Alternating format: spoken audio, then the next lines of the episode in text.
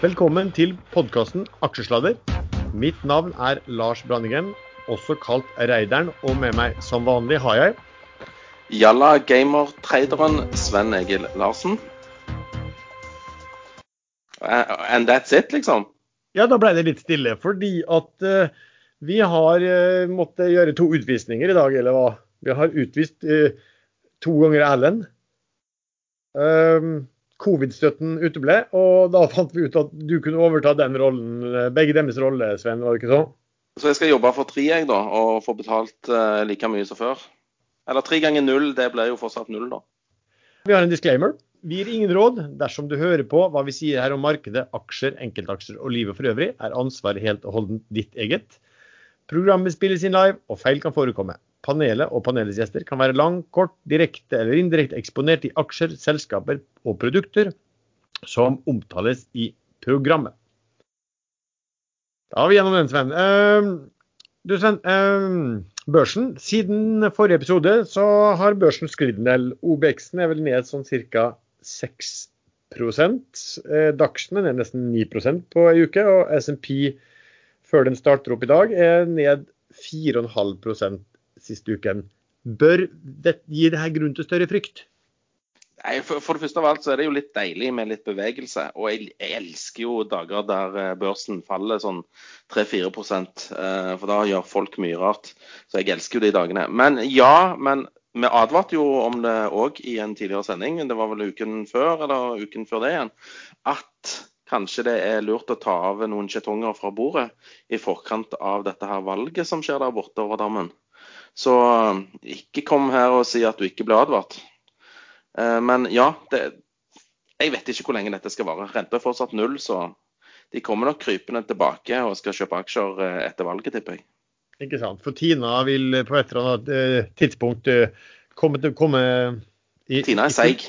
Ja, Tina er seig og kommer i full kraft tilbake på et eller annet tidspunkt. Men så er det jo dette her med, med mm, at vi da har et valg. Og så har vi jo altså vi har valg, og så har vi selvfølgelig med covid. Der man begynner å snakke om mye mer nedstengninger, i, i hvert fall i Europa. Det er vel der det, der det virker litt sånn prekært nå. Asia er vel uh, bra, etter det man kan forstå. Og USA har sitt, men de, ja, de kjører vel på. Um, ja, og det, og det, jeg har sett den siste uken, det er at når børsene faller i Europa og USA, så får du ikke den uh, oppfølgeren i Asia. Fordi at eh, kanskje de eh, mener at de er ferdig med dette her covid-kjøret sitt. Veldig lite smitte eh, både i eh, Australia og, og, Asia for tiden. Så du får ikke det eh, trykket over på Europa igjen på morgenen. Så du får ikke det helt store fallet, føler jeg. Men hvis det kommer sterkere eh, nedstengning, og i hvert fall i, da, i Europa, hva tror du, altså hvis vi holder presidentvalget ved siden av, hva, hva tror du det vil påvirke børsen sånn sterkt framover? Nei, jeg tror egentlig ikke det. fordi at uh, vi, Sjokket kom i mars. Vi vet nå hvordan vi egentlig skal løse dette. Men ja, stenger du restauranter, barer, treningssentre, uh, turisme og den biten der som har med ting utenfor hjemmet, så vil du jo få en, eh, en, effekt i økonomien. Masse folk vil miste jobben sin, og det er jo ikke bra. Eh, de kommer ikke til å konsumere like mye som de ville gjort hvis de hadde hatt en jobb, f.eks. Så selvfølgelig, dette har jo ringvirkninger. Men eh, selve sjokket om at folk blir smitta av covid, det tror jeg ikke vil påvirke børsene. Men det vil påvirke økonomien. Mm. Du, vel, du, vil jo se det på enkeltaksjer, ikke sant? Enkel, enkelte bransjer, mens andre vil klare seg helt fint. Um, og så, så, er det jo sånn at nå står jo på en måte myndigheter og sentralbanker klar med en gang. ikke sant? De bruker ikke mange uker på, på seg nå på å finne ut hva de skal gjøre. For jeg så hun eh, sentralbanksjefen for den europeiske sentralbanken. Hun sa liksom at ja, de har massevis av firepower igjen de, hvis de trenger det. Eh, og det er, jo, det er jo selvfølgelig veldig lett å si når du bare kan trykke penger, og, og, har gjort det uten at det har fått noen uheldige konsekvenser så langt, i hvert fall. Men det har jo virka til nå, så da kommer de til å fortsette med det helt til det ikke virker lenger. Presidentvalget, tror du, hvordan tror du det kan påvirke børsen sånn kortsiktig? Jeg tror eh, egentlig det er samme hvem som vinner, bare noen vinner. Eh, jeg tror hvis du får en situasjon der det er uavklart, sånn som du fikk under W i 2000, så, så liker ikke børsene det. Og du måtte vente i ukevis før liksom eh, Høyesterett eh, avsa dom om hvem som vant Florida, og da, og da vant Bush så vidt. Eh, så hvis du får en sånn situasjon, så kommer det masse usikkerhet igjen, og da vil du få nedgang, mest sannsynlig. Vinner en av de klart, så tror jeg det går helt fint. Mm. Og så har du spørsmålet om, om hvis demokratene vinner presidentsetet, vinner de da begge de to andre kamrene? Da kan du òg få skifte eh, på hvilke aksjer du bør eh, eie og hvilke du bør selge. Men, men, hvis det blir litt uavklart, Senatet går til republikanerne eh, og huset går til demokratene, så, så, så, blir det business as usual, tror jeg. da. Ja, for det har vel vært sånn, sånn tema før det der at i den type valg at, at så har man liksom sagt at markedet foretrekker at, at makten er litt delt. Ja, du får ikke de helt revolusjonære eh, avgjørelsene, da. Da er det liksom business as usual. Ja, de må finne litt, de, og de må finne litt eh, hva skal vi si, felles, fellesnevner for å, for, å, for å, få gjort ting også. Min, min har jo hatt en sånn eh, liten Black Swan, og igjen, Black Swan er jo ikke noe man tror på, men som kan skje, om at det kan bli ordentlig bråk etter valget. Um, Meningsmålingsmessig så ser vel det litt mindre sannsynlig ut. Eller ja, det var jo sannsynlig allerede, da. Men eh, ettersom det ser ut som Biden leder klart. Men det her kan være feil, og det går også på veldig mye på som, hvem klarer å mobilisere, og ikke minst hvilke steder klarer man å mobilisere. Og det ser vel ut som den, den staten, hvis det er en stat man skal holde et øye på, så er det Pennsylvania. Um, taper Trump den, så er det game over. Uh, taper Biden den, så så jeg at det begynner å snakke om at da, da er plutselig sjansen hans for å vinne under 50% men han har fortsatt en, en anstendig sjanse. Og nå så var vel at de presidentkandidatene også Det var liksom der de skulle kjøre inn firepower nå på eh, Og Florida. Og Florida. Ja, og Florida, selvfølgelig. Klart, altså Vinner Biden Florida, så er det, også, det, er jo, det er jo game over, det, det, også. Så det er liksom litt sånn rare, rare eh, vurderinger de gjør på sannsynlighet. Da. Men, men, Trump må i hvert fall vinne Pennsylvania. Det, det er vel de fleste klar på. Eh, og Der ligger han vel sånn meningsmåling i snitt bak en 4-5 eh, som kan se ganske mye ut. Men det er jo sikkerhetsmarginer og alt der da, på disse her eh, etter 2016 og brexit eh, så stoler ikke jeg helt på disse meningsmålingene. altså. Jeg beklager. Nei, det tror jeg det, og det tror jeg det gjelder veldig veldig, veldig, veldig mange også. Det man vet er at det, det er veldig veldig mye eh, forhåndsstemmer, da, altså enten ved in person voting på forhånd eller, eller poststemmer. Og det er jo poststemmene som kan da skape et problem her. fordi at det man ser er at poststemmer er altså In person early voting kommer i stor grad fra republikanerne, og poststemmer kommer i stor grad fra demokratene. Det kan man trekke fordi at man har statistikk på eh, ganske mange steder eh, hvilken eh, partitilhørighet de som har stemt, er registrert med. Det betyr ikke at de trenger å stemme på akkurat det partiet, men i stor sannsynlighet gjør de jo det. Og Det er jo der det kan komme et problem. da, fordi at ja, det, det kommer en del sånne utfordringer nå om at man ikke skal eh, få, ta, få altså man må telle opp poststemmene innen så og så kort tid. Det kom noen avgjørelser i, på enkelte stater om at hvis du hadde stemt, poststemt og fått stempla det innen fristen, men den var, ikke var kommet til der, stemmes, øh, der det skulle telles opp innen utløpet av fristen, altså valgdagen, da fikk man ikke lov å telle det opp i det hele tatt. Så det er klart at hvis det blir, hvis det blir, hvis det blir eh, noenlunde jevnt, så kommer det til å komme veldig mye eh, juridisk altså De kommer til å kjempe i retten da, om å prøve å få altså det, og Da blir det republikanerne selvsagt, som kommer til å få, prøve å få erklært mest mulig av disse poststemmene eh, ugyldig. Og det er jo der man eh, kan se for seg bråk. da, for Trump har jo også sagt det, liksom, at han har jo også påstått at her var det masse svindel med, med poststemmer. Så, det er kanskje der uroen at hvis Biden vinner og han ikke vinner veldig klart, eh, hva kan Trump finne på å si og gjøre, og, og en del av han, de krakilske tilhengerne også? Ja, men eh, eh Høyesterett eh, gikk jo inn og sa at i Pennsylvania og en annen stat som jeg ikke akkurat husker nå, så kunne de vente inntil ni dager eh, med å telle de stemmene som var kommet inn og stempla før fristen. de som kom via posten. Så det er jo et slag mot, eh, mot republikanerne. Og litt ja. rart i og med at uh, republikanerne, hvis du skal si at Høyesterett er politisk, noe de da i teorien ikke er, eh, er republikanere, så er det litt rart at det, at det gikk gjennom. Ja. Det kommer i hvert fall til å bli ja, det blir moro. Det valget er altså på natt til onsdag, er ikke det? Den 3. 3. november, ja. for de som ikke vet hva dag det er i dag. Du, men i Ukebutikk, hva har du gjort sånn tradingmessig? Uh, jeg, jeg, jeg, hadde jo aksjer i litt forskjellige ting. Og så var jeg med på en emisjon i uh, Hva var det den heter? Airthings. Der så han, uh, han alpinisten òg hadde en stor aksjepost. Han Svindal Larsen? Nei, Svindal Larsen. Er det det han heter? Lund Svindal, er det ikke det? Lund Svindal heter Svindal. ikke alle heter Larsen. Men uh, nei. Uh, og der fikk jeg litt kalde føtter, for jeg så jo den ene etter den andre av disse Merkur-aksjene åpna jo ned 20-30 fra IPO-kursen. Um, den kom på børs i dag. Uh, emisjonskursen var 13,50. Jeg solgte den på 12,60, som var opening auction. For jeg så for meg at denne her fortsetter bare rett ned. Og tror du søren ikke han gikk rett ned i 10 kroner før han er litt opp igjen til 10,70.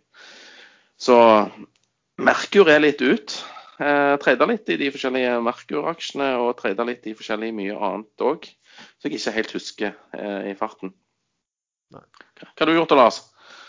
Som sist så sa jeg jo egentlig at eh, jeg tar, var, forrige uke holdt jeg bare på å ta penger bort fra bordet, og det har jeg egentlig eh, gjort nå. Jeg, jeg treide jo ikke så mye sånn, sånn intradag som du gjør, på, eller på langt nær så mye. Så jeg har egentlig gjort, eh, gjort svært lite. Jeg har eh, kjøpt meg litt inn i eh, ADS Crude Carriers.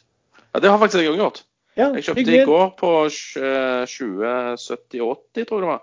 Ja. Dag litt på 21. Men den kan vi jo snakke om litt senere. Det kan, ja. Uh, men du, du, du toucha inn på Merkur. Uh, og nå har vi hatt en god del selskap uh, som har kommet på Merkur. Og de siste Var det sånn at de siste åtte eller ni har falt ganske kraftig i, i verdi på børsen? Altså det vil si at fra emisjonskursen da når den gikk på børs, så, så har de åpna og gått strengt tatt rett ned. Um, ja, ankepunktet, ankepunktet, har jo vært at de har vært altfor dyre når de kom på børs, men pga. stor etterspørsel så har de jo gått i taket uansett, så prisingen har ikke betydd noe særlig. Men nå plutselig, nå, da skulle de begynne å se på, på prising. Det, det, jo, det, føles som litt urettferdig, da. Fordi at denne her Airthings f.eks., den sto det eh, rett før jeg tegna multiple times oversubscribed. Og da, ja, Her er det lette penger, tenkte jeg. Og så slang jeg inn en, en tegning på en million, da. Og så fikk jeg eh, ca. 20-25 eh, tildeling. Men det var jo ikke lette penger, det var lette tap ja. istedenfor. Men du tror ikke det er sånn at eh, Man har jo såkalte cornerstones, da, altså store de, de, de, Hjørnestein, hjørnesteiner. Derav, derav ordet hjørnesteinsbedrift. Cornerstone ja. business, eller et eller annet. Men det, for det er jo det noe man gjør da nå, uh, mer og mer. altså seg når de skal ha et selskap på børs og som skal gjøre emisjon, så tar de i forkant kontakt med en del store, gjerne institusjonelle eller store private aktører, og får de til å ta ganske mye og på en måte bli litt sånn prissetter i dette her. Ja, så er det ikke så mye igjen til resten heller, da. Fordi at de eh, cornerstonene de selger jo ikke først i åpningcallen, de. Det er det jo bare oss flippere som gjør. Men det som har skjedd med altså de som har fått det, det har jo vært en lang rad nå hvor du har gjort det fantastisk bra. Eh, og da har det kanskje blitt sånn at disse Cornerstone har antatt at alt kommer til å bli like bra. Så de har bare tegna seg i de neste og de neste og de neste, fordi at i snitt så har det vært så bra. Og, og nå har de kommet dit hvor de kanskje tegner seg i ting, og så åpner opp, og så er det ikke en kjeft som vil eh, kjøpe de aksjene. Ja, de er overpriset så jeg holdt på å si faen, men de er faktisk det. Ja.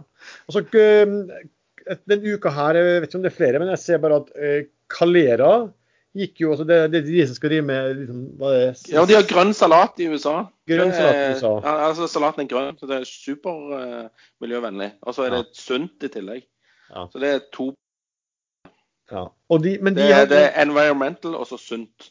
Ja. Men de hadde jo en IPO da på 30 kroner, eh, og falt da rett 25 rett ned. Litt usikker på hva den ligger på akkurat nå. Jeg så den på rundt 22 litt tidligere i dag. Jeg, Ja. eh, ja. Ikke sant? Men der, men der var jo også litt av det samme sto i Finansavisen i dag. at da eh, det var gitt beskjed fra meglerhusene ut til kundene sine at det var veldig populært, og, og, og tydeligvis hadde de anbefalt da, kunder å tegne seg for mer enn hva de, mye mer enn hva de hadde tenkt å tegne seg. For her var det så hard kamp at du kom ikke til å få tildelt særlig mye av den tegningen uansett. Ikke sant? Men det er, sånn slemt å, det er slemt å si det, fordi jeg spør ofte er han hot. Altså, og så sier de ja, han er liksom, boken er dekket osv. Eh, jeg får ikke sånn at han er mange ganger overtegna. Men det skriver de gjerne i syndikatmeldingen på slutten. Ja, fordi her var det sånn at eh, Hvis jeg forstår det sånn at eh, hvis det, hvis det er en aktør som har tegna seg for 10 millioner, eh, fordi at de vil ha 10 millioner, så får de, så får de omtrent altså, oppfatningen av at nei, av de 10 millionene så får du kanskje bare eh, 3 millioner, så du bør heller øke til 20 millioner for å sikre deg i hvert fall at du kan få 6 Ja, eller 30. millioner. Eller 30. Ja, ja, ikke sant. ikke sant. Men det som da skjedde der, var jo da at eh, det, de, det ble i hvert fall, ifølge Finansavisen, gitt et veldig inntrykk av at det her var superpopulært. Eh, så kom det på børs, og så var det eh, ingen, ingen andre enn de selv som ville ha kjøpe aksjen til den prisen. og Den stupte jo rett ned.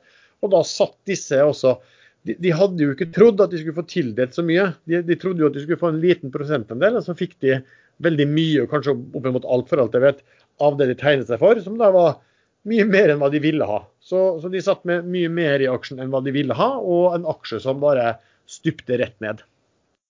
Det er derav uttrykket 'tråkka i salaten'.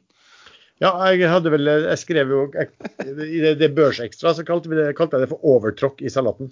Det er dobbelt, dobbelt vondt. Ja, det gjør ekstra vondt. Men Everfuel, em, som vi snakket Ja, den må, den, må, den må vi snakke litt om. Uh, ja, snakk om den, for det, jeg, lurer på om eh, Spetalen eh, reiste ned til et meglerhus i går og hadde med pistol eller noe, og, og, og trua de til å kjøre opp den kursen.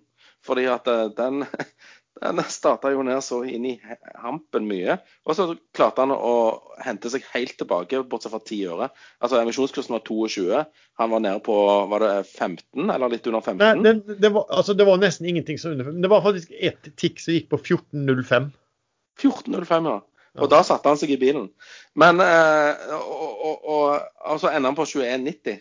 Men i dag er han ned igjen, da. Men jeg tror bare noen ikke hadde lyst på overskriften eh, om at aksjen eh, ble bomba sønder og sammen første handledag. Jeg jo tror det, altså Den eh, IPO-en var også på 22, og så var det vel veldig mange kjente aktører eh, på den listen også. Eh, vi, vi skrev litt sammen, så var det litt sånn at eh, nevnte også at det spørs vel om hvor mye den type aktører hvor mye de snak, snakker sammen og prøver å holde litt kontroll på at eh, man ikke begynner å bombe ut og lar dette her bli en katastrofe. Den gikk jo altså rett ned i 14, men så begynte den å tikke oppover igjen i hele tiden på dagen. Og, men de siste tre minuttene så gikk den jo, gikk den jo 10 ikke sant? Ja. Så, så var det ganske tydelig at den skulle bare komme seg opp til, eh, til eh, det nivået hvor altså IPO-kursen, og som du sier, sikkert for å unngå de harde overskriftene. Men den er jo ned 10% i dag igjen. da. Ja, men nå betyr det ikke så mye, for den gikk på børs i går, liksom. Dagens episode er som vanlig sponset av IG.com. IG.com er en stor internasjonal nettmegler som er notert på børsen i London og har kontorer flere plasser i Europa. På IG kan man trade råvarer, f.eks. gull og olje. Man har et unikt uttrykk av- instrumenter. Du kan trade CFD-er, Barriers og Turbo24 eh, på disse og andre populære metaller, energier og myke råvarer. Du kan også trade råvarene på margin, contract for difference, eh, for å få full eksponering med bare et lite depositum. Men husk at giring gir økt risiko. Du kan også bruke IGs risikostyringsverktøy for å administrere dine posisjoner, selv når tidene er volatile. På IG kan man også benytte volatiliteten i og med det amerikanske valget gjennom å hedge porteføljen din eller eksponering mot dollaren. Og beskjed når markedene beveger seg ved å stille inn kursvarsler før, i løpet av eller etter valget. Plasser garantert stoppordre for å begrense risikoen din. Vær klar for å gå long eller short når muligheten oppstår, selv i helgene. Du kan også trade på farten og reagere på siste nytt i IGs kostnadsfrie trading-app. Så om du vil handle med en av verdens ledende tradingmeglere som besitter global ekspertise med lokal kunnskap, så kan du åpne en konto med via lenken i beskrivelsen til denne episoden. Du, eh, Airthings, eh, den siste da, vi snakket kort om den. Den altså på, gikk på børs på 13,5, og så falt det 10,5. Du hadde, du hadde tegna der, sant? Jeg hadde tegna. Jeg slang inn en tegning etter den siste syndikatmeldingen kun kort tid før han stengte. For jeg tenkte OK, eh, jeg kan prøve meg, eh, fordi at denne her er jo hot så det holder. Eh, multiple times osv. Og så tenkte jeg jo òg tidligere nei, jeg gidder ikke tegne den, fordi at det er jo alle, alle faller jo nå. Men så tenkte jeg at dette var unntaket, men det var det jo ikke. Sist gang, siste episode, så snakket jeg litt, så bare litt på tallene. Jeg gjorde en sånn kjapp hva det var for noe, og en liten regnskapsanalyse på det som heter Volue. Så tenkte jeg skulle gjøre det på Airthings i dag. Fordi eh, Airthings var jo noe som var såpass hyggelig i hvert fall som at det var, en, var et selskap som hadde inntekter. Uh, og da går det i hvert fall an å regne litt mer på det. Uh, skal vi se. 170 millioner aksjer er det i dag etter emisjonen. Rundt regner på på 10,5 hvor den ligger akkurat nå. Da er den prisa til ca. 1,8 milliarder. På IPO-kursen så var den prisa til 2,3 milliarder. De henta inn 500 mill og gjorde et nedsalg på 300 mill. fra de store aksjonærene. Altså Det er et selskap som utvikler, og produ utvikler produserer og selger luftkvalitets- og energy, energy management-løsninger. De har patentert teknologi, unik deteksjonsevner. Så det, det Løsningene skal gi forbedret innendørs luftkvalitet og ja, energisparing ved å optimalisere oppvarming, ventilasjon, aircondition, bla, bla, bla. Vet ikke om du har noe å tillegge på hva de holder på med? Eller så du på det i det hele tatt? Uh, ja, jeg setter meg jo alltid inn i alle selskaper jeg kjøper aksjer i. Jeg er aldri engang uten. Så selvfølgelig. Jeg, nei, jeg fikk bare med meg at uh, Arnøy sa at det var noe radongreier, og at han uh, hadde, hadde, sånn. Og det tenker jeg han er opptatt av strømpriser, og så er han opptatt av uh, sunt inneklima, har jeg fått inntrykk av. Han sitter jo såpass mye inne og gamer, så det er veldig viktig for han. Ja. så da tok du Tenkte jeg, Hvis han går god for dette, da er det bra saker. Ja. Så da, da tegna jeg, eh, jeg Egentlig tror jeg Eller jeg tegna ikke, jeg sendte bare mail til megler. Ja. Men driften deres er da De har primært fokusert på Nord-Amerika. Første halvår i år hadde de ca. 90 millioner kroner i inntekter. Det vil si, da er de på en takt da på Og da hadde de vokst, den, inntektene vokste da med 62% som er veldig bra, fra samme periode i fjor så si at de har en takt på ca. 200 mill. De har en bruttofortjeneste på 68% dvs. Si, eh, varene de selger, minus eh, kostnaden, direkte kostnader. Nå føler, nå, nå, føler jeg jeg er tilbake på BI, altså. Ja, men kjør på. Dette er bra. Men, ja, men da er du på, De hadde altså 68% bruttofortjeneste. Eh, den var altså da falt fra 72% i fjor. Um, så, så, det jeg prøvde bare å gjøre der, var at Eh, etter emisjoner så har de en bokført eh, egenkapital, eh, tror jeg, på sånn ca. Ja, rundt 600 millioner. Så de vil prise det til en tre ganger bok. Hvis du ser på sånn enterprise value, så har de ca. 600 millioner da, i cash nå. Og så er de da prisa til 1,8 milliarder. Da har de en enterprise value på ca. 1,2 milliarder. De har jo da ingen E, altså ingen inntjening. Eh, men de har, de har altså priset til ca. seks ganger sales, da, hvis du, hvis du regner på årets um, ja, litt mer, litt mer enn det på årets uh, inntekter. Så jeg så bare, gjorde bare sånn kjapt regnestykke. Hva må til for et sånt selskap med samme bruttofortjeneste for å nå uh, en PE på, uh, på 15? Eh, og da må de nok opp, for du må jo også regne med en kostnad. Du kan gjøre masse antakelser. Men litt sånn enkelt, da.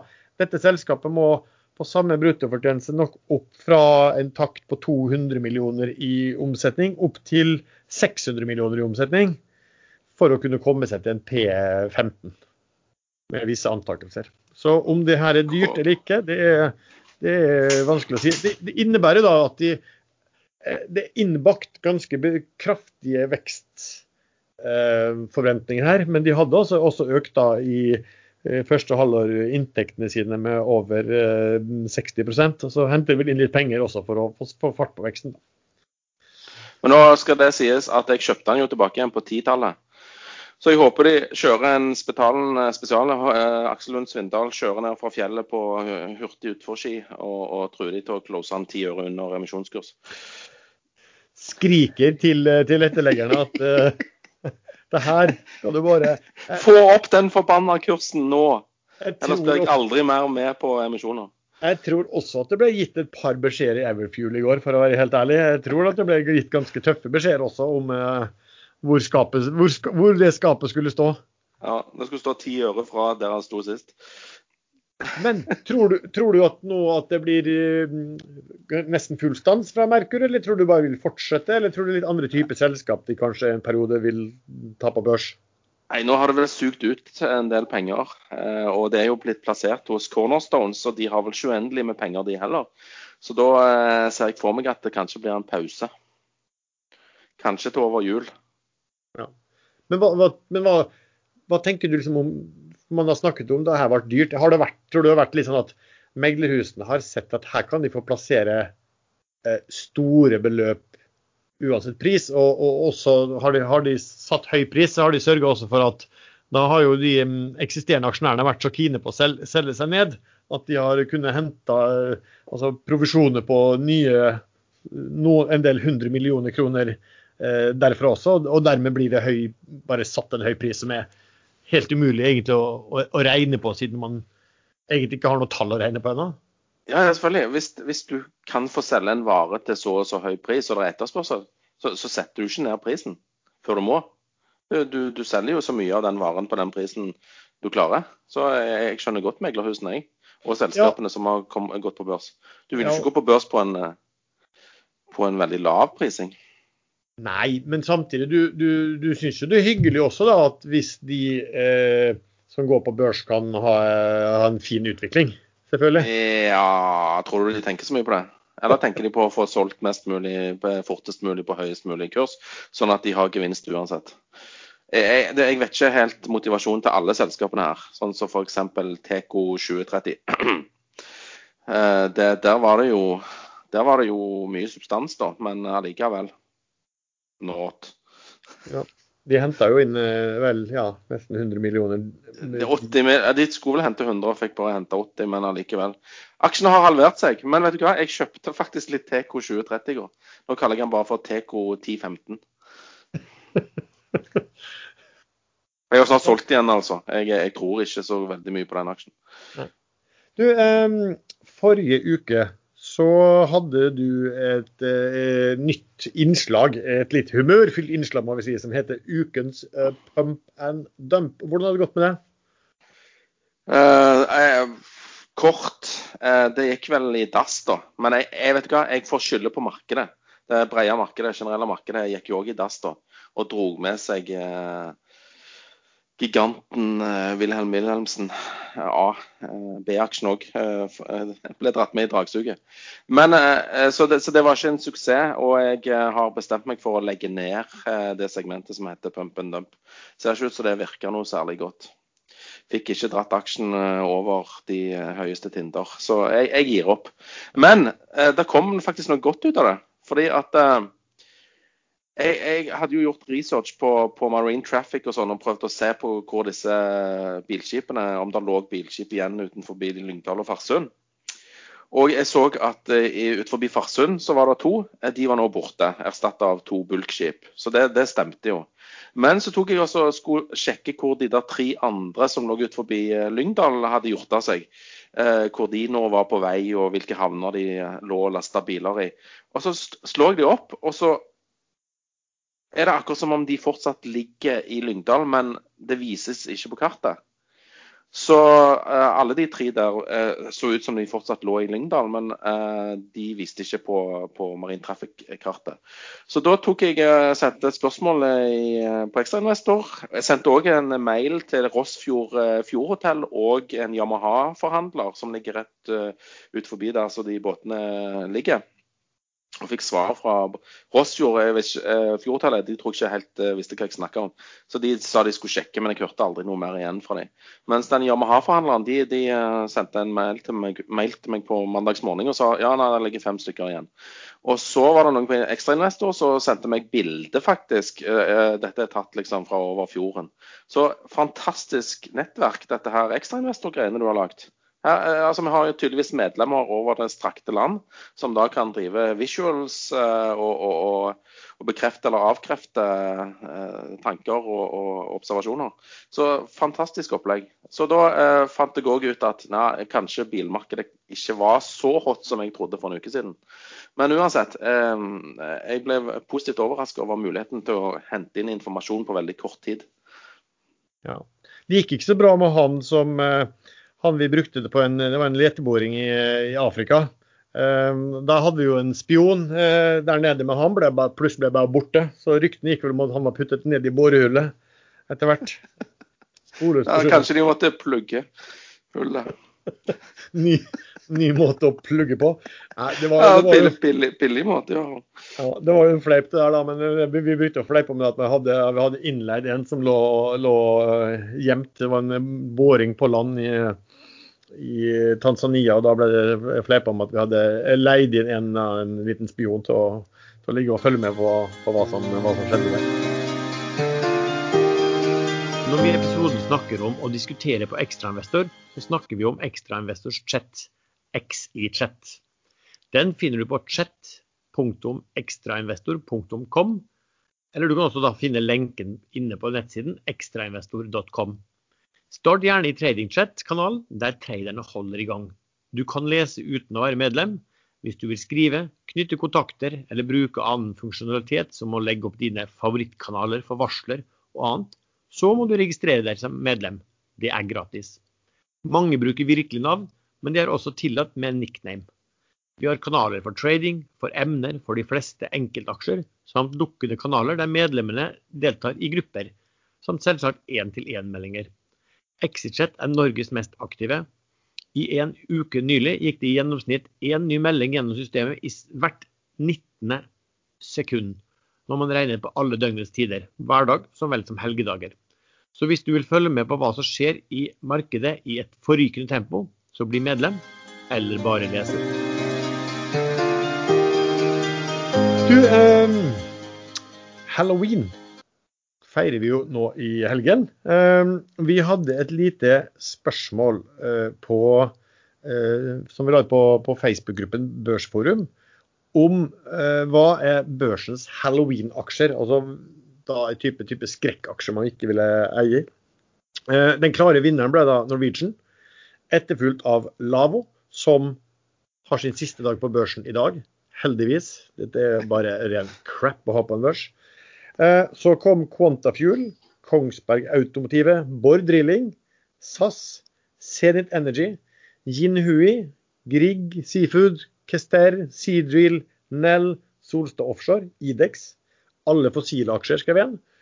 Eh, Noll, som du kjenner, Sven. Eh, REC, Shelf, Prosafe, PSG, AXA og DNO.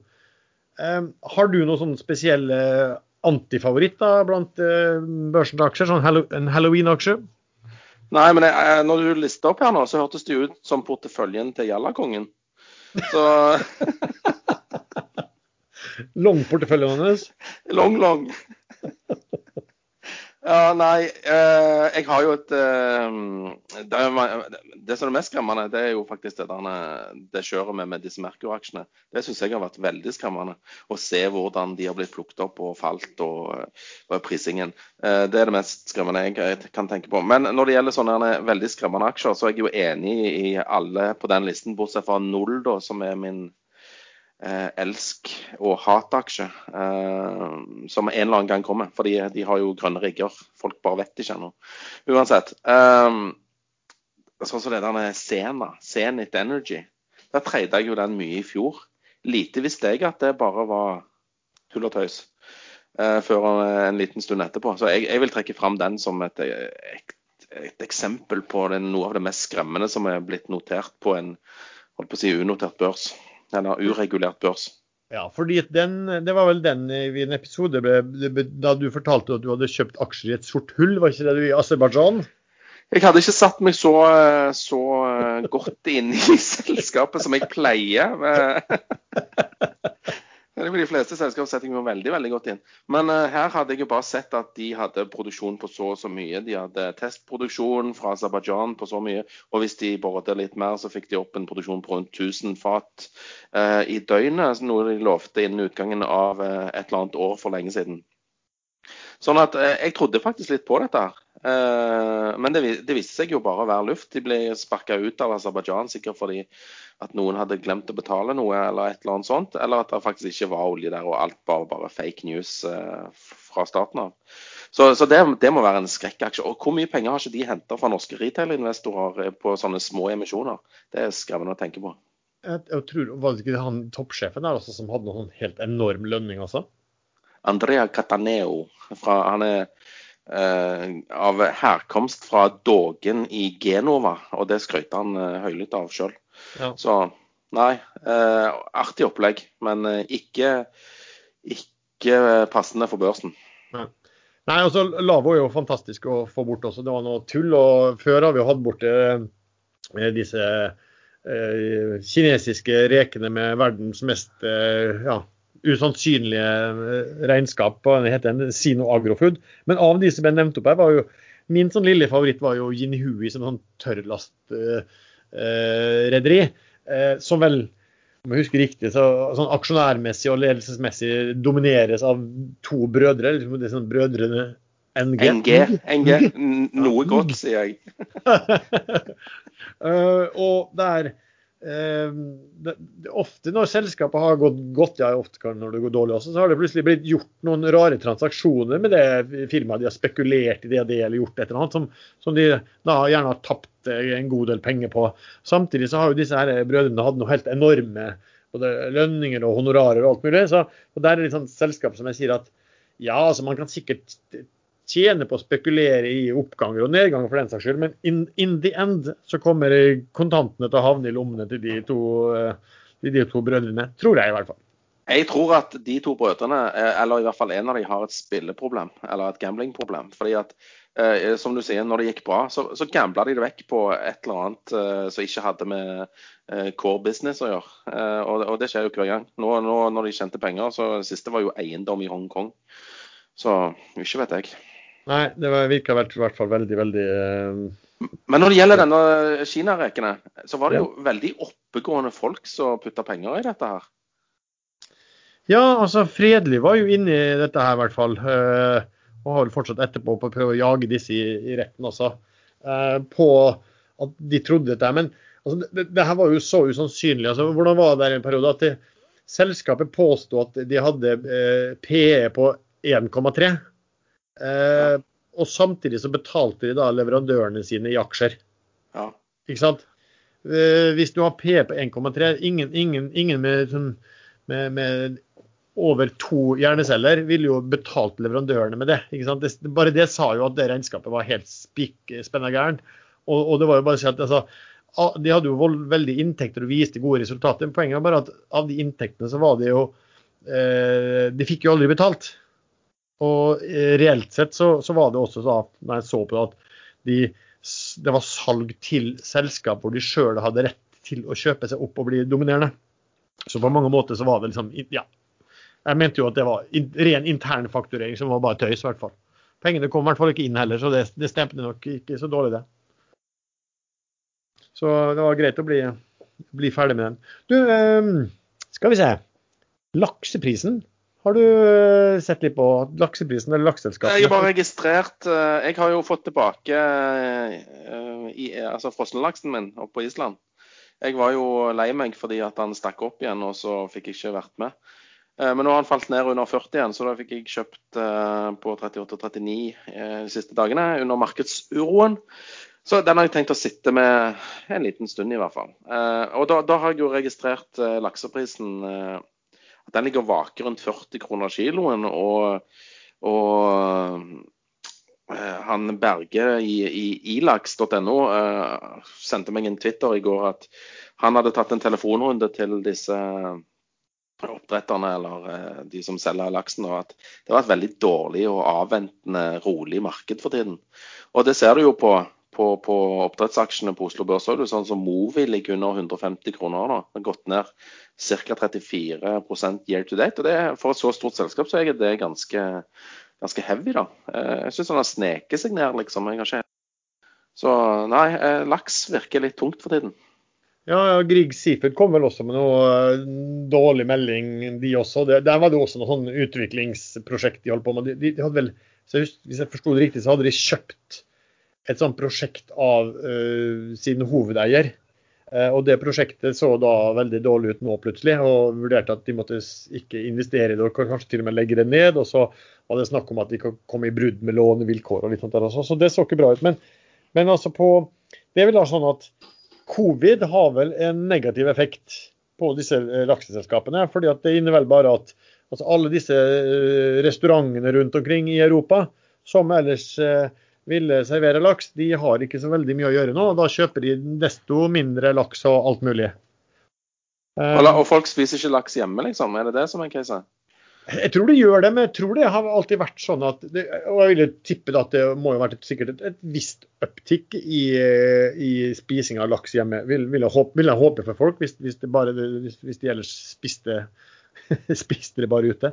Men det, men det har jo vært sånn stort marked da, altså, å selge det til, til, altså, til, til, restaurantbransjen og den biten der, og, og servere laks. Og når, klart, når den ligger helt nede og det er helt stille, ja, ja, jeg, jeg så, så, så, så, får du en smell. Og, men det, det kan jo være at det da altså, det, det, er i og for seg også en litt sånn interessant diskusjon. Det kan vi, ta, litt, kan vi snakke litt om. for Det er jo en del bransjer som blir rammet eh, veldig negativt av covid. Men så er det jo en del andre aktører også som blir rammet veldig positivt av det. ikke sant? Som får, får økt omsetning fordi at folk ikke kan bruke penger på de tingene. Da bruker de heller pengene på de tingene nå. Men hva, hva tenker du sånn tidspunkt hvor man skal begynne å tenke seg at du skal begynne å kjøpe taperne av covid og selge vinnerne av covid? Um, ja, og det er vel kanskje for seint å gjøre det når vaksinen er godkjent og den virker. Så du må jo sikkert gjøre det før det, tipper jeg. Mm. Uh, alle venter jo på en vaksine, og det, og det, er jo mange kandidater. Og noen vil sikkert virke like godt som disse influensavaksinene virker på vanlig influensa. Uh, det er bare et spørsmål om tid og hvem som blir først, osv. Så ja, det, jeg tror du er inne på noe der. Sånn som f.eks. XXL er jo en aksje som har gjort det veldig bra under covid, fordi at folk har måttet vært hjemme. De har eh, begynt å trene mer, for de kan ikke gå på treningssenter. De har kjøpt treningsutstyr til å ha hjemme. De har oppgradert liksom eh, utetreningsutstyret sitt. Eh, men de vil jo f.eks. kunne gå tilbake til treningssentrene igjen når dette avtar. Og, og da vil jo en aksje som Sats sikkert komme tilbake. Den har jo vært veldig svak under perioden. Og så har du disse restaurantaksjer og sånn. Ikke så mye av det i Norge, men i USA og sånn er det veldig mye av det. Og cruise, luftfart, hele den biten der vil jo gradvis komme seg tilbake. Og olje òg vil faktisk komme seg tilbake, fordi at eh, det blir mer gang i, i logistikk og, og, transport og kjøring fram og tilbake til jobb og, og slike ting. Så ja, det, men tid du skal gjøre det, det vet jeg ikke helt. Og det, det er det som er det vanskelige her. Når skal du liksom gjøre switchen? Ikke sant. For nå holder man på å snakke om altså nedstengninger i, eh, i, Europa. Og så er det snakk om at hvis Biden vinner, da, at han kommer til å gjøre noen ting veldig raskt. Det, nå skal han ikke overta før hva er det, starten av januar. i så fall. Pleier å være 20. januar, men eh, det er vel, det er vel eh, dependent on hvilken Nei, jeg tror det er den 20. januar som er fast, faktisk, på ja. overtakelse. For Ser det ille ut for USA, da, så kan du fort se for seg at det kommer en eller annen form for nedstengning der som, men, men, men som kanskje varer litt kortere tid. Da. Men det beste hadde vært å time det i forhold til Europa. da, altså Stenge ned ett sted, og alle andre åpner, og så åpne ett sted, og så begynner de andre å stenge. Det blir jo bare Ja, men du kan vel ta deg gitt, eller ta deg eh, Eller være ganske sikker på at det kommer en ny tiltakspakke der så fort ja. valget er avgjort. Hvis Biden vinner, hva skal man eh, eie da? Eh, jeg tror i hvert fall du skal eie grønt, miljøvennlig. Eh, Trump liker ikke grønt uh, verken å spise eller når det gjelder miljø og slike ting. og så tror jeg du skal eie infrastruktur, for jeg tror det kommer en infrastrukturpakke som, for å få opp dampen i økonomien. Um, Jeg tror ikke du skal eie de største teknologiselskapene, for de står i fare for å bli delt opp i mindre entiteter. Eh, ellers har jeg ikke satt meg så grundig inn i det eh, ennå. Har hatt så mye andre ting å sette meg grundig inn i. Så jeg er litt usikker. Men jeg, føler jeg har sett de store linjene på hva du skal eie når Biden kommer over, eller hvis han kommer. Det, er jo ikke sikkert han vinner. Altså, plutselig så har du sittet og kjøpt masse feil aksjer. Så jeg, jeg venter litt fortsatt. Ja da. Og, og, hvis Trump fortsetter, hva, vil du, hva bør man eie, skråstrek fortsette å eie da? Uh, ja, si det. Det som har gått uh, bra til nå, går vel fortsatt uh, videre. I hvert fall hvis renten holder seg der den holder seg. Mm. Skal vi se. Vi har fått mye spørsmål som vanlig. La oss ta litt eh, av det. Du har vært inne på, um, på XXL. Jeg kom et spørsmål. Hva er mest spennende akkurat nå, og hva du gjerne skulle liksom, visst, eh, visst, mer om? Hva er så veldig spennende nå? Ja, mest spennende. Hva tenker du er mest spennende akkurat nå, som du gjerne skulle liksom, enda, vært enda bedre informert på? Og... Jo, vet du hva. Det kommer jo eh, et skifte fra vekst til verdi. Jeg er veldig interessert i å vite når er det optimale punktet for å switche fra vekst til verdi. Altså å kjøpe de stabile brune aksjene eh, og banker osv. med solid inntjening, og, og selge dette teknologigreiene. Det hadde jeg veldig, satt veldig pris på hvis noen kunne fortelle meg når det skjedde. Skal jeg fortelle deg når det skjer? men uten at det ja, dato? Ja, Gidder ja. du bare sende meg en, eh, en melding på ekstrainvestor? det, men, men det, nei, det, skjer nok før det på en, på en, på en grad. Men, men, eh, hvis renten begynner å stige Ja, vil, det, det, er en god indikator. Så er det bra for, eh, for verdi og dårlig for eh, eh, vekst. vekst. Og årsaken er da at hvis renten begynner å stige, så er inntjening nå mye mer verdt enn inntjening i framtiden. Men hvis renten er veldig lav, så er det, veldig, så er det stor, liten forskjell på å få 10 millioner kroner i dag og 10 millioner kroner i om tre år, hvis du diskonterer det. Så det er liksom litt enkel uh, måte. Og det, så kanskje renten er det som har blitt forklart, at, at, uh, at verdiaksjer har gjort, uh, har gjort, det spesielt dårlig. Det, den enkle forklaringen er jo at du må bruke en høyere neddiskonteringsrente for å for, Er det ikke det du må, eller er det motsatt? Jo, altså hvis, hvis renten går opp, ja. så må du bruke høyere diskonteringsrente. Og da blir de framt... Altså, framtidsoverskuddene Framtidsoverskuddene, ja riktig. Det var, mening. Og jo lenger fram i framtiden, jo, jo, mindre blir de også. ikke sant? Så, så, da å snakke om at sånn som nå meglere snakker om at ja, men det ser bra ut dette her, og de skal tjene så og så mye i 2030, eh, litt mer rente, så er det interessant eh, sånn sett. Ja. Skal vi se. Eh, Aega har vi jo kommet spørsmål på, selvfølgelig. Eh, for der kom det da en eh, Ja, det kommer en, en nyhet i dag. Vi har jo mast eh, på um, selskapet, altså i tidligere sendinger av Aksjesladder, at nå er vi midt i en grønn bølge. Dere er et solselskap. Det er på tide å smi mens jernet er varmt og solen står høyest. Eh, og så kommer det en nyhet i dag. Jeg vet ikke om de har hørt på oss, eller om de har klart å tenke sjøl. Jeg er usikker på om de hører på Aksjesladder, noe de burde gjøre. Eh, men de har i hvert fall kjøpt seg inn i et selskap som heter Norsk Solar. Tatt en 6 eh, eierandel og brukt 20 millioner kroner av en ikke altfor stor eh, kassabeholdning. De får et styremedlem i Norsk Solar. Norsk Solar ser jo ut som faktisk et spennende selskap. Minner litt om minner litt om Skatek. Det er et slags mini-Skatek. De har operasjoner i mange eh, eller utviklingsprosjekter og operasjoner i mange land rundt omkring i verden. De har henta inn 130 mill. via SR-Bank i Stavanger, så det, det er tydeligvis et Stavanger-selskap. Det er bra at, eh, at Aega har gjort noe, men jeg er litt usikker på om dette var det helt rette. Men uansett, de viser i hvert fall en viss handlekraft. Jeg er litt usikker på hvordan dette blir mottatt av aksjemarkedet. Eier, eier du aksjer der fortsatt, eller? Nei, jeg solgte de på en spike som Han gikk til 2,60 for var det en eller to uker siden. Eh, Jeg husker ikke helt. Men jeg, jeg fikk de ut rundt 2,40, og jeg var jo kjempehappy. For som jeg sa på en tidligere sending, så så jeg verdier mellom 1,46 til 1,70 eh, hvis de ikke gjorde noe. Og nå har de gjort noe, og så er jeg litt usikker på om det er veldig bra, eller om det er nøytralt, eller om det er dårlig. Det er jeg litt usikker på. Eh, men, men hvis nå eh, Altså, det virker som AEG har bundet seg til, til dette her Norsk Solarselskapet. Og hvis det skal skje en reverse takeover, så må det vel nesten bli med Norsk Solar. Og da kan du få en høyere aksjekurs, fordi at eh, du får lagt inn en høyere aksjekurs i det bytteforholdet. Men det gjenstår jo å se, da. De har jo en eierandel på 6% og eh, eh, de bør egentlig kjøpe resten av selskapet og betale med aksjer og gjøre en reverse takeover, for da får du litt size på butikken. Hvis de ikke gjør det, så kan det være at eh, dette sklir litt tilbake. Hei, vi, da gikk vi vel omtrent ut med, med, med mine siste også, samme dag som du, som du solgte også. Og det er jo som du sier at vi Jeg tror du solgte før meg, faktisk. Ja, eh, jo kanskje det. Jeg tror jeg hadde et litt lavere snitt enn hva du hadde. Så du var sikkert igjen litt smartere i, i utførelsen din, for å si det sånn. Eh, Ja, jeg, men, jeg pleier jo å selge før, først. ja, du gjør jo det av og til. Men, ikke, men, ikke, men ikke denne gangen, tydeligvis. Men jeg, begynner- eh, alderen begynner å tynge nå, så jeg blir litt sånn treig. Nei, ja, ja.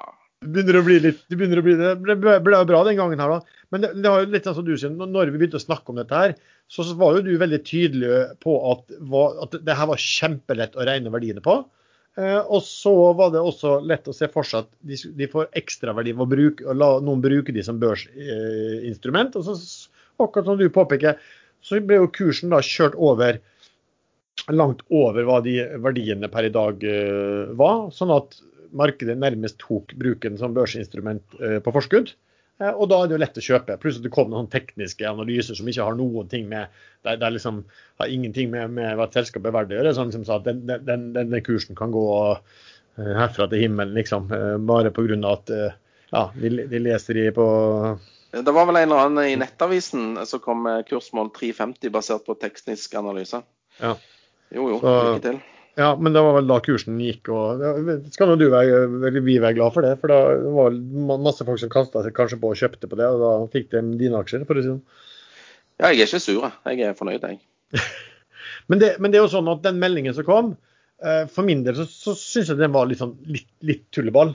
Fordi at eh, for det første, hvis de liksom har tenkt å kjøpe, kjøpe seg inn og bruke mye av pengene sine på å kjøpe seg inn på å eie 6% av et selskap, og så skal de ha noen solparker i, i Norge og skal ha noen egne solparker i, i Italia og litt der, så, så, så begynner det å bli litt sånn investeringsselskap. Og det vi vet at når du begynner ja, Men det skrev, det, skrev, det skrev de jo i meldingen, at de var et investeringsselskap Ja. innen sol. Ja, og det bør de egentlig ikke skrive. at det som skjer, altså, ok, det er en trendmarked, men investeringsselskap på børsen de prises gjerne med rabatt på 20-30% Altså Du bare se på um, Aker. Eh, der er det jo lett å regne underliggende for nesten alt de har av verdier er jo børsnotert. Det er altså rabatten 20 nå. Det er vel også eh, Saga Transpitalen ble vel også priser med viss rabatt. og De henta vel penger på 1,30 helt nylig. og Eh, kursen der nå er Har du kontroll på det, Sven? Saga lå godt til 1,22. Ja, ikke sant.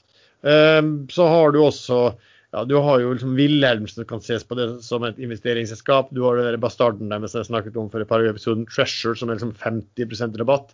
Så i det øyeblikket du er et investeringsselskap, så blir det normalt rabatt på underliggende verdier. Og så er det jo sånn at OK, um, hvis de nå skal bruke selskapet, skal du bruke et selskap som børsinstrument.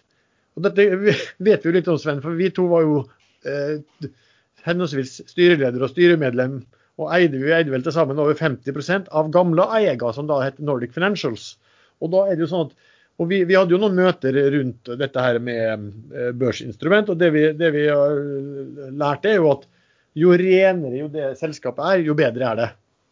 Ikke sant? Altså at Ja. eh, Jo mindre assets du har, jo mest mulig cash du har. sånn at de som, de som skal bruke det som børsinstrument, de vil gjerne ikke ta risikoen på at du har noen dårlige assets f.eks. som er overvurderte.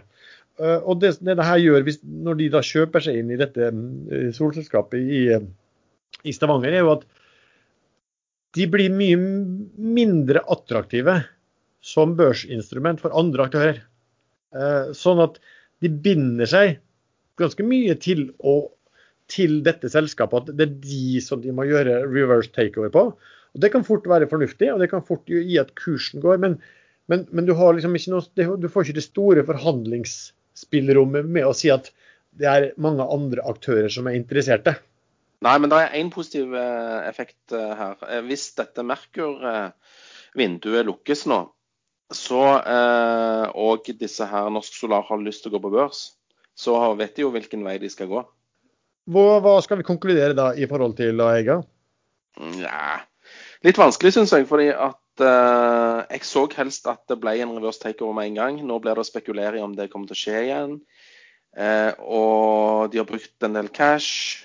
Det kan fortsatt skje at, uh, at de går sammen med Norsk Solar, det tror jeg. Men litt sånn Jeg ble Hallo? ikke så superbull. Hallo? Okay. Hvor faen har du vært henne? Hvem er det her? Vært du klokka er tre. Klokka to, mener jeg. Var da du skulle begynne. Klokka er, kvart, klokka er 20 minutter over uh, tre nå. Du, han lever vet du, han lever fortsatt på sånn sommertid, vet du. Kødder dere? Nei, nei, nei. Da, da tar vi alt en gang til. Ja. Erlend, sist gang Erlend, sist gang ble du muta i en stor del av programmet. Og i dag så kommer du inn liksom det, det, er ingenting her som får deg til å ringe, ringe en sånn bitte lita bjelle? Skal jeg oppfatte dette som en trussel, eller er det Nei, det er veldig, veldig, dette er jo velmenende. Nå mangler det bare at andre gameren òg eh, finner ut hvordan han skal hacke seg inn her. Så, nei, men Det får holde med en Erlend i dag. Ja, det får gjøre det. Du, eh, Erlend, hyggelig, hyggelig, at du kunne, kunne joine oss. Uh, ja, nei, hyggelig å få lov. Vi har snakka en del sprøyt. Vi har snakket om en del halloween-aksjer der folk hadde hadde eh, stemt på, på Facebook over liksom de, hvilken var de skrekkaksjene på børsen, halloween-aksjer. Og, og, unge Larsen konkluderte da med at eh, den, de, de, verste, når vi ramsa opp de som hadde det verste, var omtrent som å høre din portefølje. Men det er jo sånn. Den syns jeg var litt slem, faktisk. det var jo sann. Han var jo sann. Men jeg ser jo at en av mine favoritter, Idex, er ganske kraftig ned fra toppen. Under 1,60 nå. Den var jo helt opp på 2,40-50. Men det tror jeg er så enkelt som at alle vet at de må kjøre en emisjon. Så... Oi, speak of the devil, så har eh, styreleder i Eiga kjøpt 150 000 aksjer i dag. Til to kroner. Ja. Oi, oi, oi. Og så har de, ja. men men eh, de har også kutta Husker du siste episode, så var du skeptisk til at de skulle ville ha eh, opsjoner til styreledelse med strike.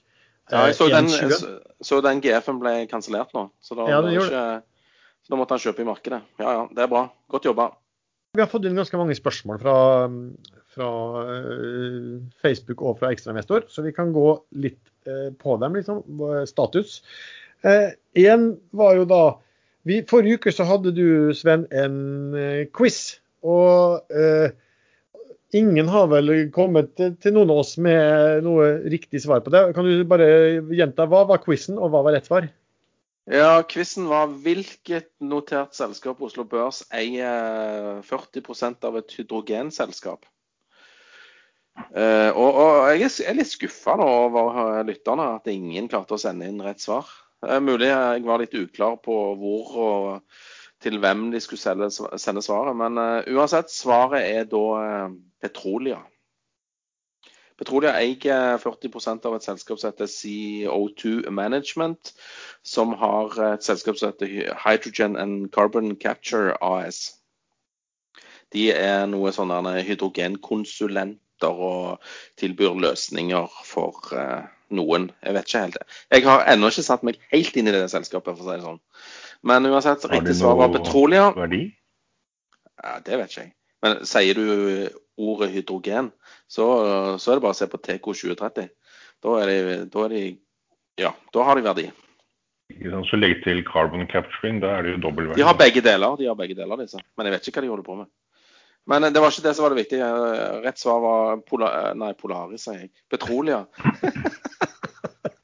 kom akkurat en børsmelding på Polaris. Jeg ble satt ut. Men nå kan vi ta Petrolia ganske kort. da. De har jo da dette uh, funnet sitt sammen med Neptune Energy, uh, Dugong. den veldig dype formasjonen som de aller fleste eksperter, bortsett fra deres egne, mente at det ikke var mulig å finne olje i, og det fant de. Og nå har de søkt om eh, boretillatelse og fått innvilget vel eh, to nye brønner. Eh, og de skal begynne allerede i Q1 2021. Så den er det ganske interessant å følge med på framover. Petrolia har hentet inn penger via sitt Petrolia Noco, så de skal være finansiert opp til å være med på dette. En aksje vi kan bare nevne litt om, er jo da um, Africa Energy.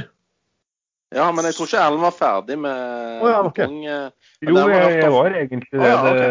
det. Det er såpass lenge til Q1 2021, så en liten oljeaksje eh, nå når eh, folk frykter litt krakk, det er ikke akkurat det som er mest interessant. Men den har halvert seg fra toppen. Uh, ligger relativt stabil sånn på 5-6 kroner, så det er ikke helt umulig at det kan være en ganske god inngang. Jeg har tatt litt selv, bare for å nevne det. Men jeg, jeg har ikke tenkt å ta mye før eventuelt rundt årsskiftet. Men olje eller funn av hydrokarboner er jo ikke en garanti for kursoppgang. Altså, vi har jo disse Africa Energy, som er et sånn Lundin-selskap. De har faktisk hatt presentasjonen via ekstrainvestor i fjor. Eh, de har jo hatt en sånn leteboring nå sammen med en totaloperatør utenfor eh, Sør-Afrika der de fant eh, det de skulle, stort funn, som var da gas condensate, så det ble meldt. Kursen hadde jo gått ganske mye opp i månedene før, og var gått opp i ja, han var vel oppe i nesten fire kroner noen få dager før. Eh, og når meldingen kom altså dagen før, han vært, den varierte litt, da, men den var jo oppe i rundt 360 rett før. Kursen bare stupte etter meldingen om eh, funnet, og er nå i 2,30, så det falt kraftig etterpå. Så Årsaken ble jo litt forklart der. Det, det var vel også at det, var noen som hoppet på olje, og så var det sånn at Total og Her kommer det litt sånne rare merker at Total ser at OK, dette er funnet så stort at her kan vi gå på og få bygget ut feltet med en gang. Vi trenger ikke å lete mer. Mens eh, aktører i aksjemarkedet sa søren òg, vi hadde jo håpet at de skulle letebore videre, for da kommer det trig nye trigger i løpet av kort tid. Og da er det mange som selger, da, for da, oi, her kommer det ikke til å skje så mye på i lang tid. og så har altså kursen tatt, tatt da. Eh, men her skal nok AEC Soden, er det ikke det han heter? Soden? Gareth Soden, ta litt, Gareth litt av skylden. fordi etter Brulpodda-funnet, som da viste seg å være bare kondensat og ikke olje, eh, så snakket vi mye om at de var helt sikre på, eller veldig sikre på å finne olje i dette, denne brønnen. For det er i formasjonen. Så de trodde de skulle finne olje, og har lagt mye vekt på det. Og når de da ikke finner olje, men bare kondensat, så er det mange som ikke skjønner eh, helt hva det er for noe. Og kondensat betales faktisk mer per eh, oljeekvivalent enn brent olje eh, der nede. Og det er fasiliteter på land for å behandle akkurat denne kondensaten, og det er rørledningssystem, alt ligger klart. så så det, det, er nok en litt sånn kommunikasjonsfeil fra ASC e i forhold til olje og kondensat. De skulle aldri nevnt olje i det hele tatt. Skal vi se flere spørsmål. Vi har ja, ett som var retta til Sven, og jeg tror det er basert på hans Twitter-aktivitet. Sven, har du prøvd Cola og Mentos-trikset? Nei, det har jeg aldri prøvd. Men jeg har sett mange kule videoer eh, om folk som har prøvd det. Jeg la ut en video, men jeg, det tror jeg faktisk var filmtriks. Eh, den la jeg ut på Twitter, så det er bare å ta en titt. Ja. Annet spørsmål. Eh, som, det er vel en del episoder vi har snakket om det nå. Eh, hva, hva, er status på Softox? Det vet vel du, eh, Erlend? Nei, jeg har sagt det lenge etter at jeg først var fascinert av både ledelsen og selskapet, så ble jeg mindre og mindre fascinert av ledelsen, og det har ikke bedret seg. De kommuniserer eh, feil, for sent, eh, for dårlig. Eh, men det de produserer, tror jeg på ennå. Det er det, sårsalvene og håndvask og håndrens. og De venter fremdeles på en EU-godkjenning. og Hvis de får den akkurat nå midt oppi bølge to, som for så vidt ikke er bølge to, men som er en forlengelse av bølge én, så så kan dette bli gull. Hvis ikke de snart får EU-godkjenning og helt ikke får solgt noe særlig av dette håndvask- og overflaterensproduktet sitt, så må de kjøre en emisjon. De har ikke penger til å dra i gang forsøk på mennesker på på det inhaleringsproduktet de skal ha. Så man inhalerer et sånt forstørret produkt som dreper bakterier og virus og sopp i lungene. Eh, Der påsto de påsto de tidligere i sommer, eller rett etter sommeren, at forsøket hadde gått veldig bra. De pyntet opp på den børsmeldingen med, eh, med adjektiver som jeg aldri har sett maken til, og det kommenterte vel du, Lars, i en, eh, en podkastsending. Så der skulle de søke om fast track, og det var ikke måte på. Nå kom de med en ny børsmelding hvor fast track plutselig har blitt at de skal kjøre mer dyreforsøk. Dvs. Si at de da har ikke gjort jobben sin i det første dyreforsøket. De har fått beskjed om å utvide det. Og Så skal de da starte opp på mennesker i kvartal to i 2021. Så det går liksom fra den ene skuffelsen til den andre og ene utsettelsen til den andre, og så får man se hvor dette ender. Annet spørsmål. Eh, er det noen aksjer eh, som klarer å kvitte dere med? Er det da fordi at de er umulige å selge, eller fordi at eh, vi har føler en in love with dem? Nei, jeg regner med at det er vel følgen din løv. Ja, jeg må jo bare nevne null, da. Det kommer til å bli min elskovsaksje i 2021 òg. Yeah. den kanskje dek- dekker begge, Fall in Love og Umulig å selge, eller? Uff, ja. Nei eh, Null. Det, det, det er grønne rigger. Hallo. Batteripakker. Hybridløsninger. Det er så grønt, vet du. Og, og oljeselskapene de kommer jo til å liksom eh, Ja, nei, vi, vi, bruker de med mest miljøvennlige riggene som finnes. Det er det stål de- på de, det er vel ingen stål på de riggene heller, eller? Jo, selvfølgelig er det masse stål. Hallo. Plastikk. Grønn Eller plast. Plast heter det. Men det hadde vært litt kult, da, for da kunne du resirkulert det hos Kvantafuel. Men uh, det kan du altså ikke. Sven, dette kan vel du alltid om. Hvordan klarer man å drive en boreoperasjon med, med en batteripakke? Eh, Er det kombinert batteri og, og vanlig drift, eller eh, har de en måte de lader opp dette på? Vindmølle i toppen av oljeriggen, eller eh, hvordan gjør de dette? Ja. Du spør veldig vanskelig for en som er økonomiutdanna. Du må spørre ingeniører om sånt. Jeg har bare lest det de har skrevet på plansjene sine, og der står det at jeg er veldig miljøvennlig. Så noe mer enn det vet jeg ikke. sånn, eh, du vil gå bare etter den peneste dama, du, og så vet du ikke egentlig hva som ligger inni bak og under dette her. Ja, det finner vi ut etter hvert, har jeg lært. Mm. Enn å, enn å gå motsatt, liksom. Jeg vet ikke hvordan din approach er. Nei, men- den, tror jeg, den tror jeg ikke vi skal ta her.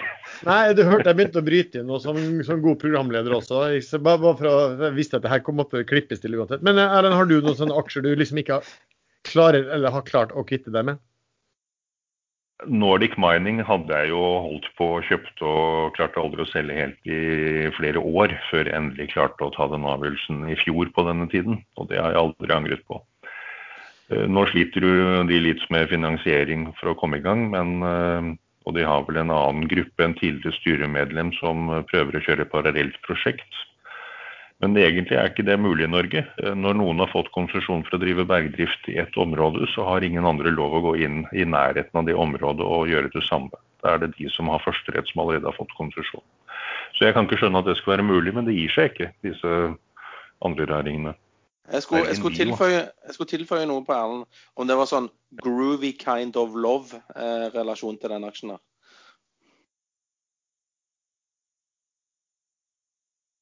Nordic Mining, ja, veldig groovy.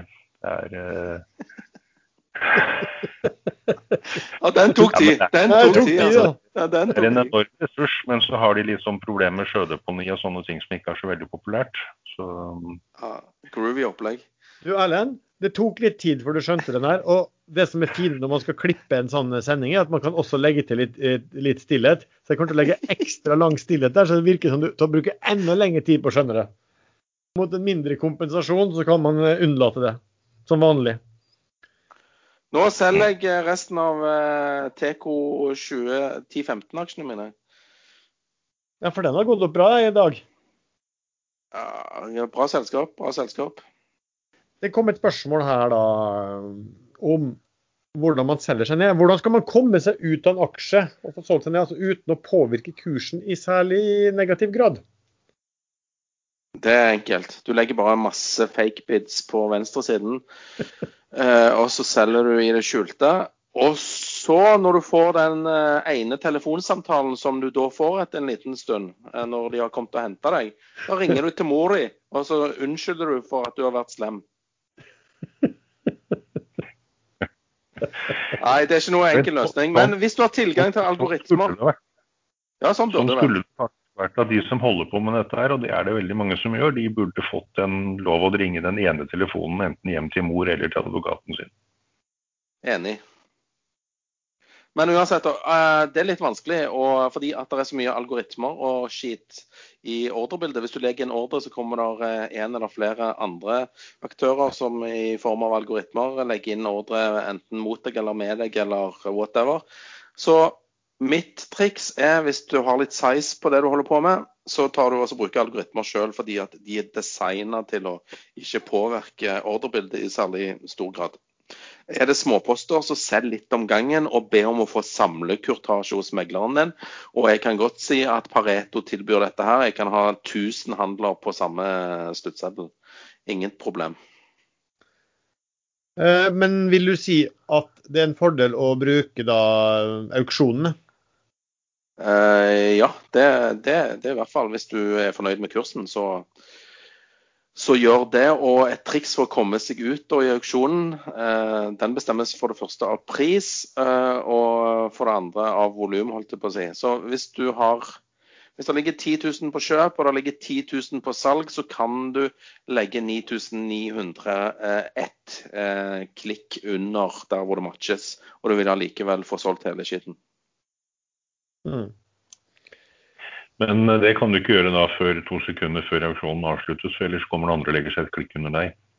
Ja, selvfølgelig. Du må jo Ja, du, må, du må ikke vise kortene Nei, og det er jo før, du, før, før på, på slutten.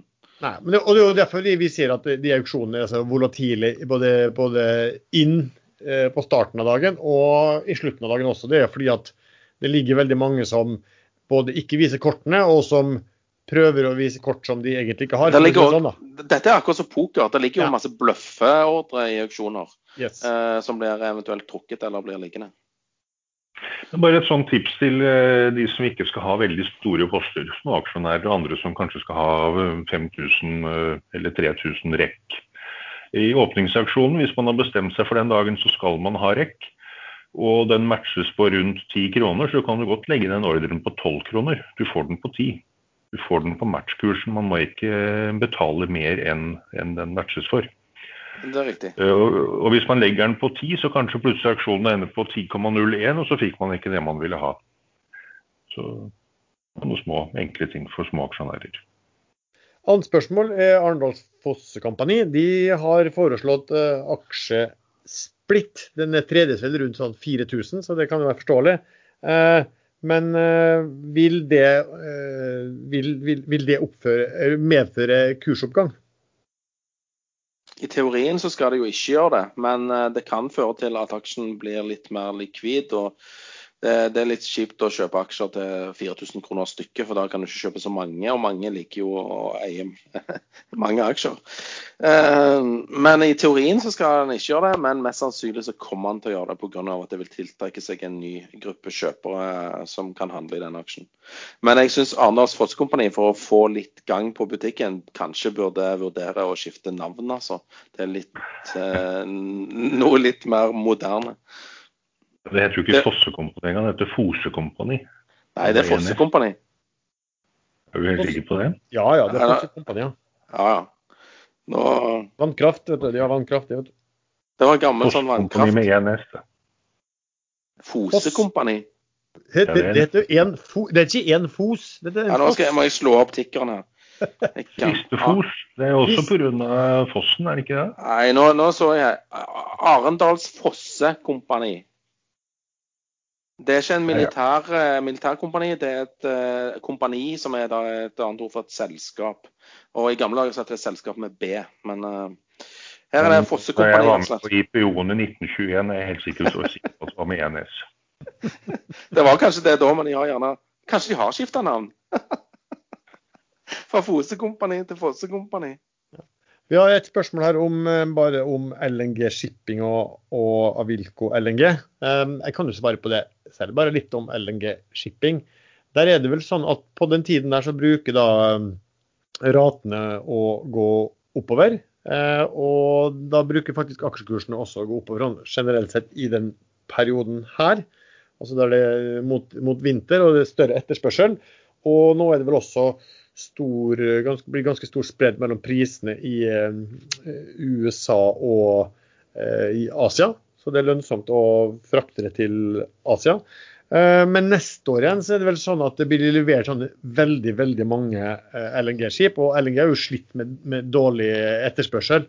Eh, også pga. Ja, varmt vær og det er pga. covid og lavere eh, økonomisk aktivitet. Da. Men, så det leveres mye skip neste år så da vil legge press på det markedet. Avilco kjenner jeg ikke så veldig godt til, men jeg mener at de vel ikke er så langt unna å få likviditetsproblemer, eller i hvert fall brudd med lånevilkår. Og, og har vel sånn, ikke noe inntjening å snakke om. og De skipene deres begynner jo å bli noen år kontra de helt nye, moderne, tror jeg. Men jeg kan det litt dårlig. Saga var vi jo inne på sist gang. Eh, hva tenker vi, vi liksom, Det var snakk om om man traff toppen. og hva, hva, hva tenker dere nå? Kursen har falt ja, den falt jo en del i, i forhold til dette her, og, og får eh, Saga miljøet, eller hva det skulle hete, jeg husker ikke hva det skal hete, men får de en skudd for, en liten skudd for baugen og blitt priset som en på en investeringsselskap-måte hvis Everfuel ikke blir en suksess? Det skal hete Saga Pure, altså pure. Ikke med to r-er, for da hadde det blitt purre. Jo, pure, men, ja, ja. Det var, sånn du, eh, det var sånn du skrev det før i tiden, skjønner du. Pure med to r-er. Å, herregud. Ja, nei, jeg vet ikke hva. Jeg, jeg vet ikke. Men uh, vi har jo omtalt den Everfuel, da, som var den første investeringen til uh, Saga Purre. Uh, så Ja, jeg, det ser ut som Spetalen har tenkt å passe på investeringene som Saga Purre faktisk gjør. Noe mer enn det, det har jeg ikke tenkt på, altså.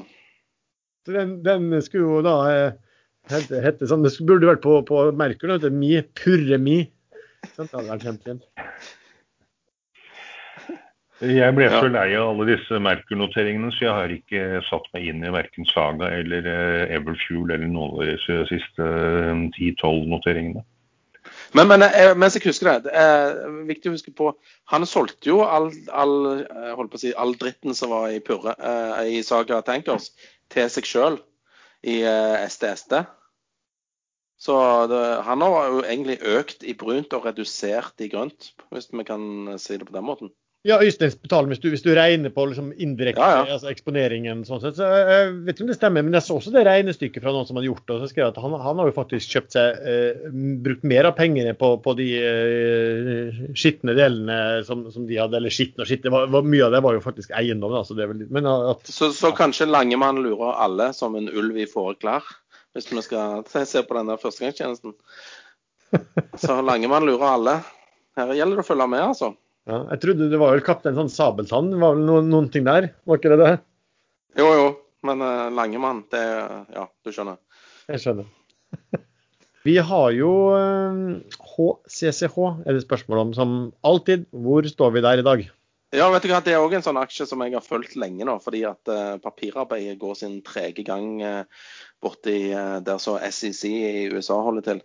Um, jeg fikk en oppdatering fra det meglerhuset som følger aksjen tettest. Og de har fått beskjed om at den siste filingen Altså, SSI kom tilbake og hadde et spørsmål om eh, skatteeffektene av fusjonen. Så måtte de få advokatene sine til å svare på det. Og så har de sendt inn det svaret. Sist gang fikk de svar igjen over ti dager senere. Så jeg håper nå, dette gjorde de i går, at eh, ni dager til de endelig kan sende ut en innkalling.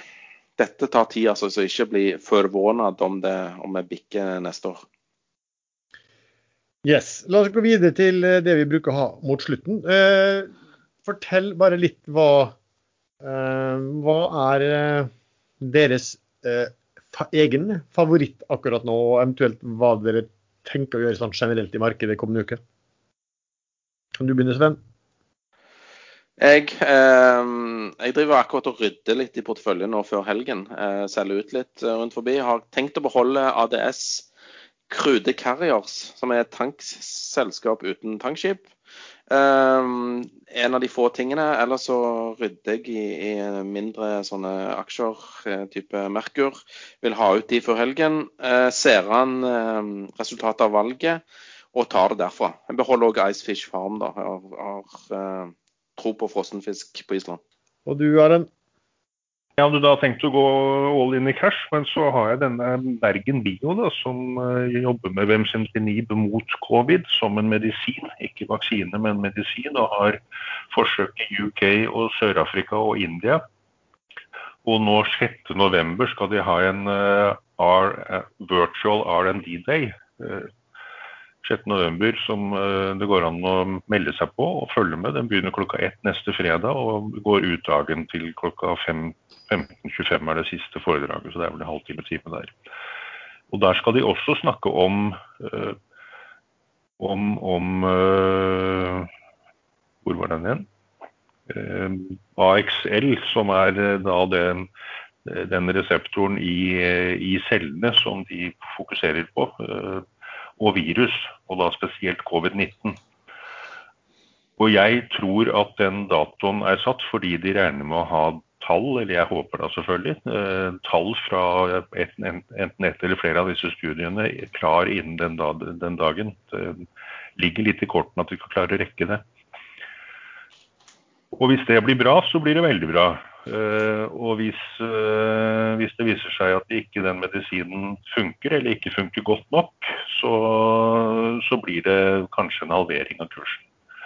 Men hvis det funker, så vil den kursen gå mye mer enn dobbelt. Det er helt garantert.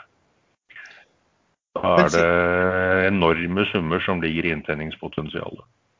Men sist gang Erlend, så sa du til vår store overraskelse at du var gått long long i en aksje. Inntil du selvfølgelig påpekte inntil jeg ikke lenger er long.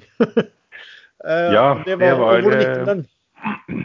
Ja, det var Otello. Um, og den uh, var jeg fast bestemt å være long long i. Og så kom mandagen, og så begynte USA å bli rød, og så begynte USA å bli knallrød. Etter hvert så var den minus over 3 uh, Og da det begynte å smitte over på norske børsen, Otello som da hadde gått opp til over 22 kroner uh, på formiddagen, den begynte å falle og gikk litt opp av litt under 20 kroner, og da solgte jeg alt.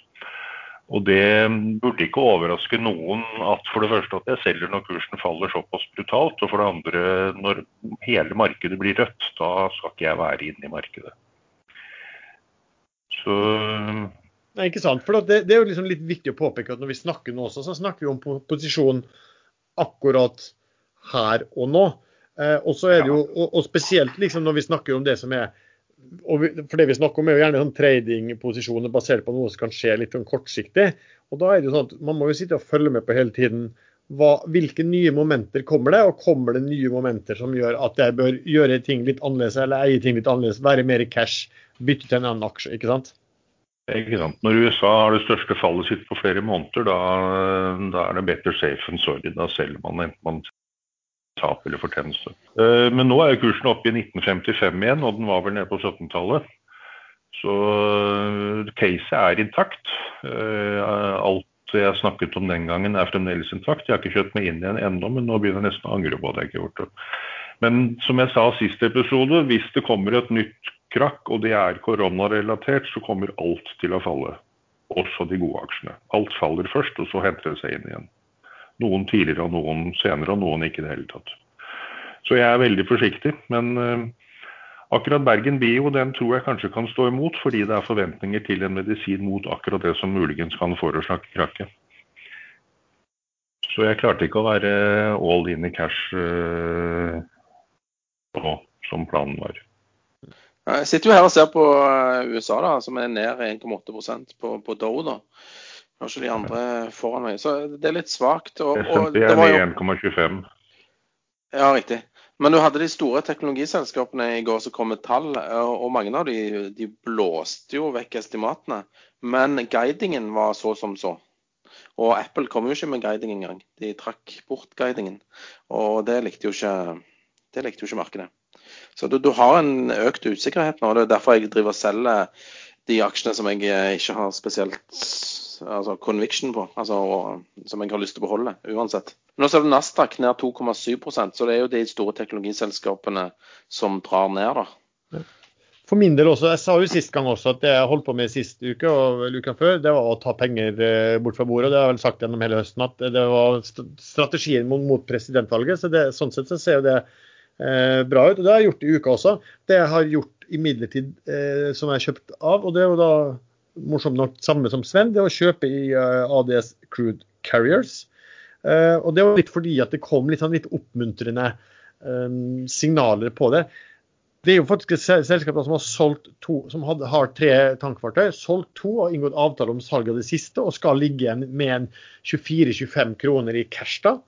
Og så er spørsmålet hva gjør man med det cashet? Skal det reinvesteres, eller skal det ut til aksjonærene? Og jeg tror vel at mye mer nå begynner å tyde på at det kanskje går ut av aksjonærene. Litt ut fra hva ledelsen har sagt. Og så er det jo da fra analytikerhold kommer det jo til at påpekning at SFL, da, som er den største aksjonæren i selskapet, de trenger jo pengene selv. De det er jo Ship, ship, Finance. Ja. Og de trenger virkelig pengene. De, de holder på å diskutere med sine, med sine långivere. Og, og, her er det ganske mye ikke, Det er noen titalls millioner dollar som skal demmes vei også. Så de skal tillate, som største aktør tillate da ADS-ledelsen å å bruke hele pengebingen på å begynne å investere i nye skip, som vil medføre at kursen kommer til å uh, ligge under det de ville fått uh, hvis, ble, hvis, pengene ble betalt ut. Det begynner å se mindre trolig ut. og da, det, den, sånn, den er jo ekstremt defensiv. for at På en måte da så kan du se på det som at du, du er ikke investert lenger i noe, noe, tankskip, du er altså investert i cash.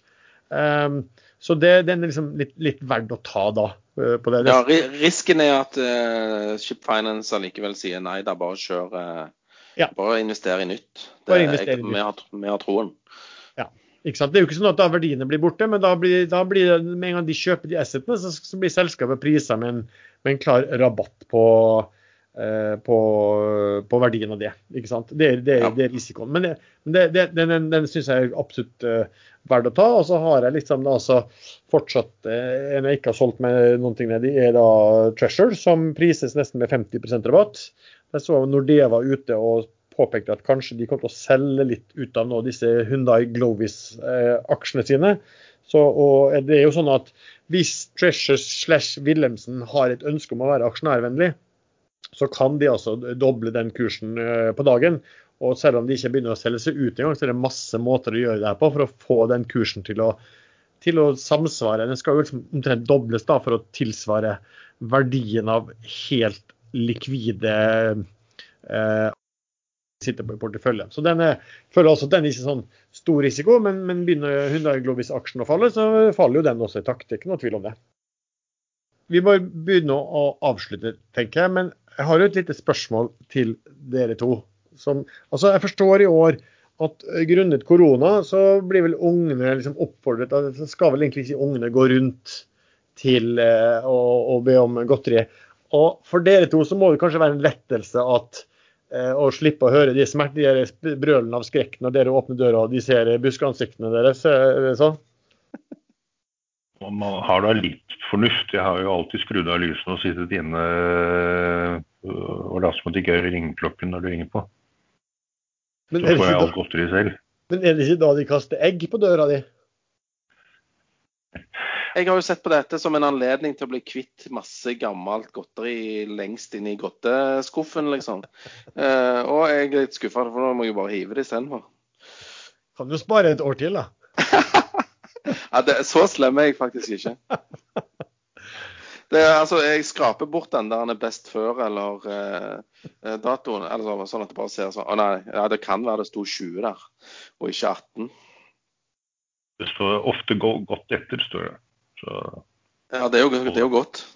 Det er alltid godt. Men har dere snakket om uh, årets mest koselige børsmelding? Eh, nei. Kanskje. Ja, Veidekke var det vel i går eller foregårs? Ja. Årets lærling et stort børsnotert selskap eh, som vel er helt oppe i bluechip-størrelsen, børsmelder årets lærling i bedriften. Ja, syns, syns, du det, syns, syns du det var positivt, negativt eller nøytralt? Det var veldig koselig børsmelding, men det er kanskje ikke noe man sender ut som en børsmelding. Den Aksjen gikk jo opp, da. Ja, han gjorde 1,5 jeg, jeg kalte det i dag i den eh, Børsekstra, som vi har nyhetsbrevet som vi sender ut til over 13 000 stykker nå. Da kalte jeg det for dagen, altså Agurknytt i dag. da, Det var eh, hyggelig av dem å sende det ut via, via børsens Jo. meldingssystem. Men det understøtter jo bare det at hvis du hører noe fra selskapet, at hvis de gidder å mekke sammen en børsmelding, så Å ja, fins den òg på børsen, ja? Da, Ja. ok, da kjøper vi den, da. Ja, la oss ta Altså, en titt. Ja. Ja du har sånne ting- selskaper som ikke melder noen ting før de eh, melder oppbud. Det er kjedelig. Men da, dette her er en litt sånn, dette her hadde vært, eh, vært morsomt å, å høre på. Nå fikk jeg sånn innfall ut ifra Av og til så har vi studenter som sier An- An, anfall heter det. Anfall. forslag, innfall, anfall til folk som eh, studenter som, som lurer på case de kan sjekke. Hvis du hadde vært en algoritme som la inn på kjøp, alltid kjøp med en gang et selskap eh, børsmelder noe, på, tror du du hadde tjent penger på det i markedet? Kjøp eh, på en børsmelding og selg alltid eh, x, x minutter senere, uansett hva. Men jeg tror du måtte tweake den litt så, og tatt bort enkelte børsmeldinger, som f.eks. Eh, Equinor finansiell kalender-type meldinger. Altså, Nei, når, når, nei, nei, eller- eller- Skal du kjøpe på finansiell kalender? Eller, eller, Eller, det er jo bull, da. Det er jo bull da, fordi at det, De antyder jo at de ikke kommer til å gå konkurs de neste tolv månedene. I de verste Jalla-markedene da stiger faktisk aksjekursene på finansiell, finansiell kalender. Ja, Og særlig hvis de har eh, utsatt eller fremskyndet en kvartalsrapport. Det er Ja, alltid da bull. blir det, ja, det er alltid bull. Og, men jeg har jo sett, jeg har jo sett kommentarer på, på Ekstrainvestor at det kommer melding fra selskapet. og En skrev jeg så det kom melding og, og kjøpte, hva sto det? Ikke sant? Vi gjør det sammen, at du bare, du bare antar at dette er sikkert noe bra, at kursen kommer til å bevege seg mye. Ja, men det har faktisk jeg også gjort. Jeg har kjøpt helt blindt på børsmeldinger, bare fordi jeg vet at det er et eller annet eh, som muligens skal komme fra selskapet. Det går det bra god- innimellom.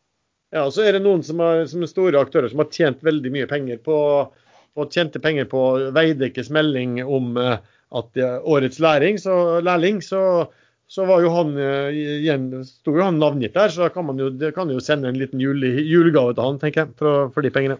Det er jo halloween, er vi kan jo sende at, noe eh, skremmende. Eller, eller gammelt godteri. Det er ikke årets lærling vi harsele- harse- harselerer over, for det henger ganske høyt. Han har gjort en god jobb, men det er selskapet som bør det. det. Ja, ja. Sånn er det. Noe mer dere vil tillegge før dere begynner å kjøpe godteri? Vi kjøper ikke godteri. Vi Stjeler det? Nei, nei, nei. nei, nei. Men, eh, det, det, men, men vi gir ut godteri Ja. Skal- som le- har ligget en stund. Sånn. Du, men du, skal, du må jo ha noe selv også. Og jeg regner med at det skal ikke du ha. Eh, nei, eh, da, må, da må du på polet. Og det er eh, godteri der òg. Men da tror jeg vi avslutter med at eh, de lytterne som hører på dette her før halloween, får kose seg så mye, spise godteri og holde seg unna gammelt eh, godteri. Kose seg med presidentvalget til uken. Takk for at dere lyttet til oss. Eh, dere kan følge oss og ta diskusjon med oss på Ekstrainvestor og inne på gruppen podkasten Aksjesladder på Facebook, og også Børsforum på Facebook. Musikken er laget av sjazz.com. Vi høres.